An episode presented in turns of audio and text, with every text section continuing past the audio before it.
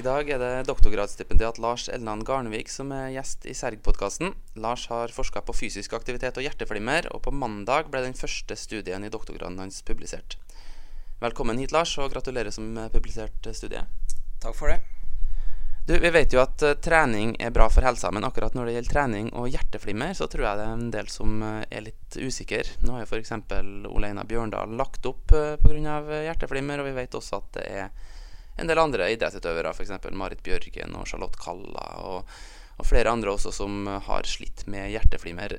Er det sånn at uh, folk trenger å bekymre seg for at de kan trene på seg hjerteflimmer? Det korte svaret på det er nei. Eh, min studie og tidligere forskning viser at moderate mengder med fysisk aktivitet er bra med tanke på hjerteflimmer.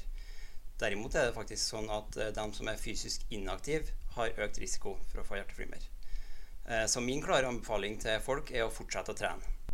Ok, Vi skal komme nærmere tilbake til resultatene fra studien din etter hvert, men eh, først så må du fortelle hva atrieflimmer egentlig er for noe. Ja, Atrieflimmer, eh, også kjent som hjerteflimmer, er en tilstand hvor hjertet pumper raskt, uregelmessig og dårlig. og I et vanlig friskt hjerte så er det en gruppe spesialiserte celler som, heter, som blir kalt sinusknuten, som sørger for at hjertet opprettholder en regelmessig rytme. Eh, ved atrieflimmer så er det en rekke andre impulser eh, i forkamrene, eh, både høyre og venstre, som overtar styringa og skaper en kaotisk tilstand i hjertet. og det ender opp med at det står også flimre for kameraene. Og da blir hjertet veldig ueffektivt til å, å pumpe blod. Er atrieflimmer farlig? Eh, det trenger ikke å være farlig, men det, øker, det gir en markant økning av hjerneslagrisiko. Fordi at det er sannsynlig at um, blod kan uh, koagulere, og så gå i blodstrømmen og så gå opp til hodet og gi slag. Så det er faktisk sånn at hjerneslag som er forårsaka av blodpropp, 25% av tilfellene der er pga. atrieflimmer. Eh, og så kan det gi litt redusert livskvalitet, man kan føle seg litt slapp og, og sånne ting. Eh, og så gir det også en viss økt risiko for andre sykdommer, sånn som hjertesvikt.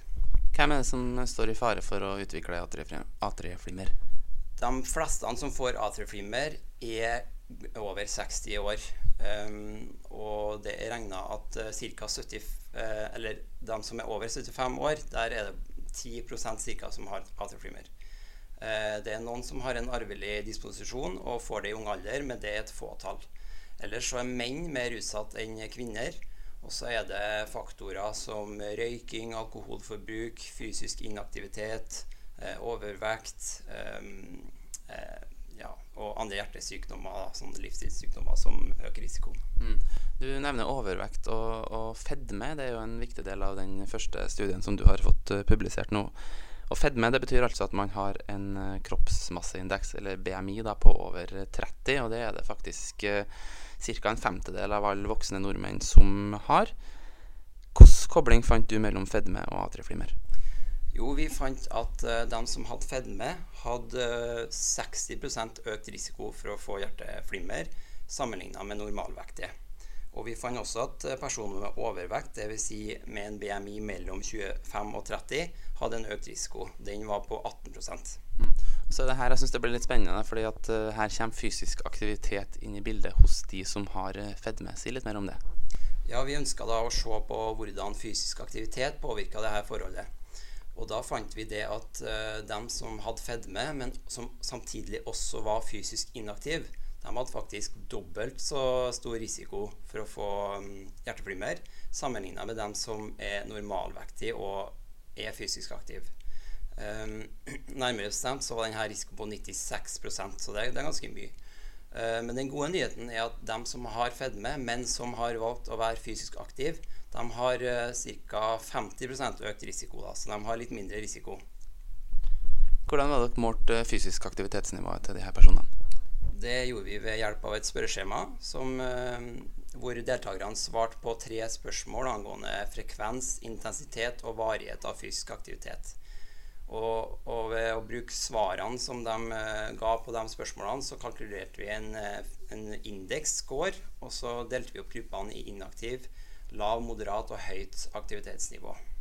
Mm, Og da var det altså de som hadde høyt aktivitetsnivå, som hadde lavest risiko for atrieflimmer. Det stemmer. Hvorfor er funnene fra studien her viktig? Det er fordi at overvekt og fedme er et alvorlig samfunnsproblem. Og i 2013 så ble det estimert at over 2,1 milliarder mennesker har um, overvekt og fedme. Og det er stor sannsynlighet at det er enda flere nå. Så uh, det her er et høyt tall. Uh, og det faktum i tillegg til at eldrebølgen vil føre med seg en betydelig økt forekomst av atrieflimmer i, i nærmeste årene. Um, og som jeg har vært inne på, så trenger ikke atrieflimmer å være en kritisk tilstand, men det øker risiko for hjerneslag og, og, og hjertesvikt.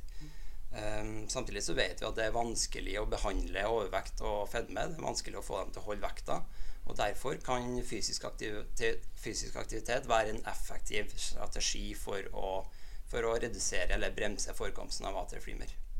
Nå har du sagt ganske mye om resultatene fra studien din, men du må si litt mer om hvordan dere gjennomførte den. òg. Ja, vi brukte data fra HUNT 3, som ble gjennomført i 2006 og til 2008. Og Der fulgte vi 43 000 eh, nordtrøndere, eh, kvinner og menn. Eh, og så så vi hva, hvordan det gikk med dem i forhold til det å, å utvikle atrieflimmer. Og Innen 2015 så var det ca. 1500 som hadde fått en eh, bekrefta diagnose av en lege. Eh, og De dataene her henta vi fra sykehusregisteret. Og min kollega Vegard Malmo han eh, hadde tidligere en studie validert de her dataene og visste at de var mer nøyaktige enn sjørapportert data som ofte har blitt brukt i andre tidligere studier. Så det, det er en stor styrke ved studien vår at, eh, at dataene, eller eh, diagnosene er validert og bekrefta av leger. I tillegg så er det et stort datamateriale, så det, det er også en stor styrke ved studien. Det skal sies at dette er en observasjonsstudie, så vi kan ikke etablere en årsakssammenheng. Men vi har prøvd å justere som vi sier, eh, for eh, faktorer som vi vet spiller inn, da, sånn som røyking, alkohol, sosioøkonomisk status og andre hjerte-karsykdommer. Du, Jeg må litt tilbake til de her uh, idrettsutøvere. Bjørn, Bjørndalen og Bjørgen og Kalla og co. Hvis det er sånn at fysisk aktivitet beskytter, hvorfor har de da fått hjerteflimmer? Ja, det, det, høres litt rart ut, men nå skal vi huske på at uh, Bjørndalen og Marit Bjørgen og dem uh, der har uh, drevet på med idrett og, og, trening på et helt annet nivå enn oss vanlige. Her snakker vi om kanskje opp mot 1000 timer i året på dem som, som trener mest. da. Så det, det, det, er litt vanskelig å sammenligne dem. og det er også grunn til det, å tro at det er to forskjellige mekanismer involvert med tanke på dem som trener på seg, at det flimmer, og, og den risikoreduksjon vi finner eh, som er forbundet med moderate nivå. Da. Eh, for det, det, er sånn at hos oss vanlige da, så er jo fysisk aktivitet veldig beskyttende mot en rekke risikofaktorer for atrieflimmer. Altså det senker blodtrykket, det hindrer andre sykdommer, og også overvekt og BMI eller fedme. Mens de som trener veldig mye, de har et høyt kronisk stress på hjertet. Ehm, det kan føre til strukturelle endringer i hjertet, og det gjør oftest det til idrettsutøverne. De får, forhøya, eller, de får større forkammer, ehm, og det kan være en risikofaktor for atflimmer. I tillegg så vil denne kroniske stresset på hjerteveggene kanskje føre til fibrose eller arrdannelse. Og så er det også andre faktorer som spiller inn, som eh, informasjon og, og, kanskje også en overaktivering av det parasympatiske nervesystemet, som senker hvilepulsen hos de idrettsutøverne. Så det, det er antageligvis, uten at det er bevist, så er det forskjellige mekanismer involvert. Mm, så er dette den første studien i doktorgraden din, og du har jo et uh, par andre studier på gang. Kan du si litt mer om dem? Ja, I den andre studien min så skal jeg bruke kondisjonskalkulatoren som kollegaer av meg har, eh, på Serg da, har utvikla. Der skal jeg undersøke sammenhengen mellom estimert kondisjon og risiko for å utvikle atrieflimmer. Og I den tredje studien så skal jeg undersøke eh, hvordan trening og estimert kondisjon eh, påvirker forskjellige endepunkt hos dem som allerede har fått eh, atrieflimmer. Da snakker vi om dødelighet og sykehusinnleggelser og, og hjerneslag osv. Blir spennende å se hva du finner ut der. Og så i mellomtida konkluderer jeg med at uh, det ikke er noen grunn til å være bekymra for uh, at man skal få atrieflimmer hvis man uh, trener.